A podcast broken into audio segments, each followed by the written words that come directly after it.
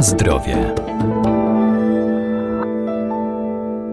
Dzięki bogatej zawartości wielu cennych składników zioła i rośliny zielarskie mają szerokie zastosowanie w medycynie ludowej czy w przemyśle kosmetycznym. Między innymi zawarty w chmielu ksantohumol ma silne działanie antyoksydacyjne i przeciwnowotworowe, zaś nasturcja jest znakomitym źródłem witaminy C, zwłaszcza wzbogaca naszą dietę w okresie jesienno-zimowym.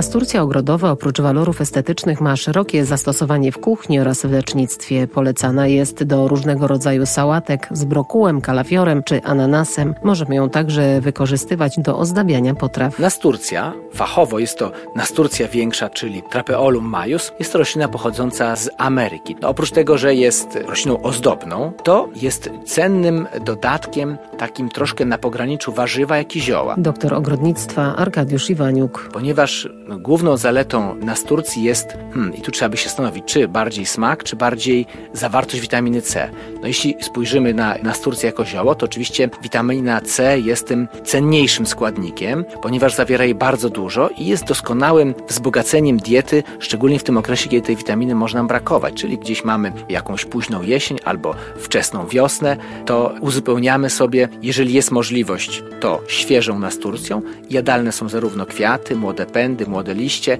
jak i też nasiona. I tutaj nasiona mogą być spożywane, czy owoce powiedzmy szerzej, jako świeże, dojrzewające, a jeśli chcemy ten smak nasturcji przechować, to wtedy używamy no, wysuszonych, podsuszonych już dojrzałych nasion. Ma smak bardzo przypominający rzeżuchę, z tym, że jest jakby jeszcze powiedzieć jeszcze bardziej wyrazista, mocniejsza, więc jakaś taka trochę gorzkawa, ale ta goryczka jest bardzo przyjemna i jeśli ktoś raz się rozsmakuje, to będzie wiedział, że nasturcja to jest mm, no, bardzo bardzo przyjemny dodatek i to zarówno smakowy, jak i witaminowy. Na zdrowie.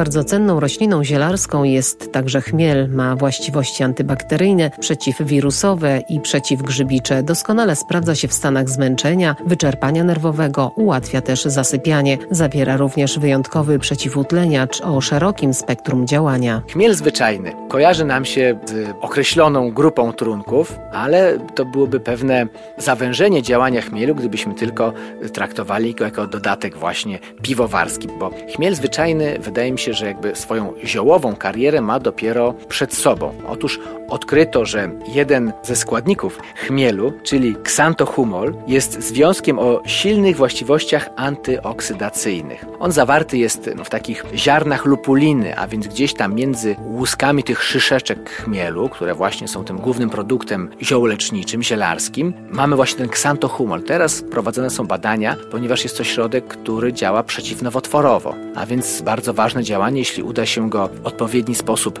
jeszcze przebadać, zastosować, możemy mieć nadzieję na bardzo skuteczne i potrzebne leki właśnie produkowane z chmielu. Chmiel w ogóle jest sam w sobie bardzo ciekawą rośliną, ponieważ jest pnączem. Nie mamy tak naprawdę zbyt wielu gatunków pnączy naszych krajowych i to pnączem, które z jednej strony dorasta ogromnych rozmiarów, bo wspina się na bardzo duże drzewa, w naturze oczywiście.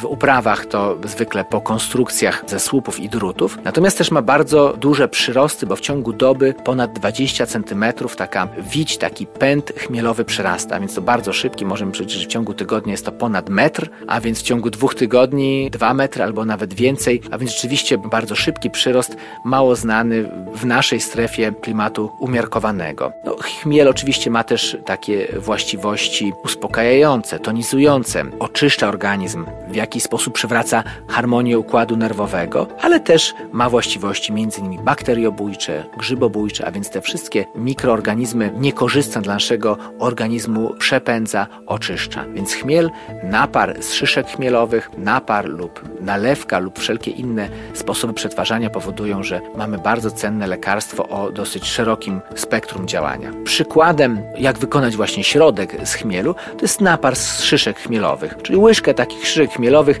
zalewa się szklanką zimnej wody, doprowadzi się do wrzenia, oczywiście nie gotuje się na jakimś takim dużym ogniu, tylko takim delikatnym. Kilka minut, dosłownie nie dłużej niż 3 minuty na małym ogniu się gotuje. Odstawia się na mniej więcej kwadrans. Można odcedzić i później spożywać to na przykład podzielone na dwie porcje. Rano i wieczorem. To mniej więcej pół szklanki naraz, pół szklanki rano i pół szklanki wieczorem. Taka mniej więcej średnia dawka.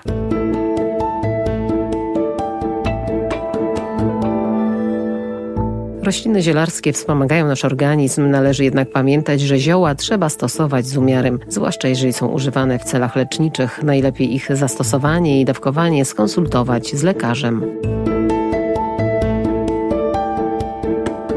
Na zdrowie.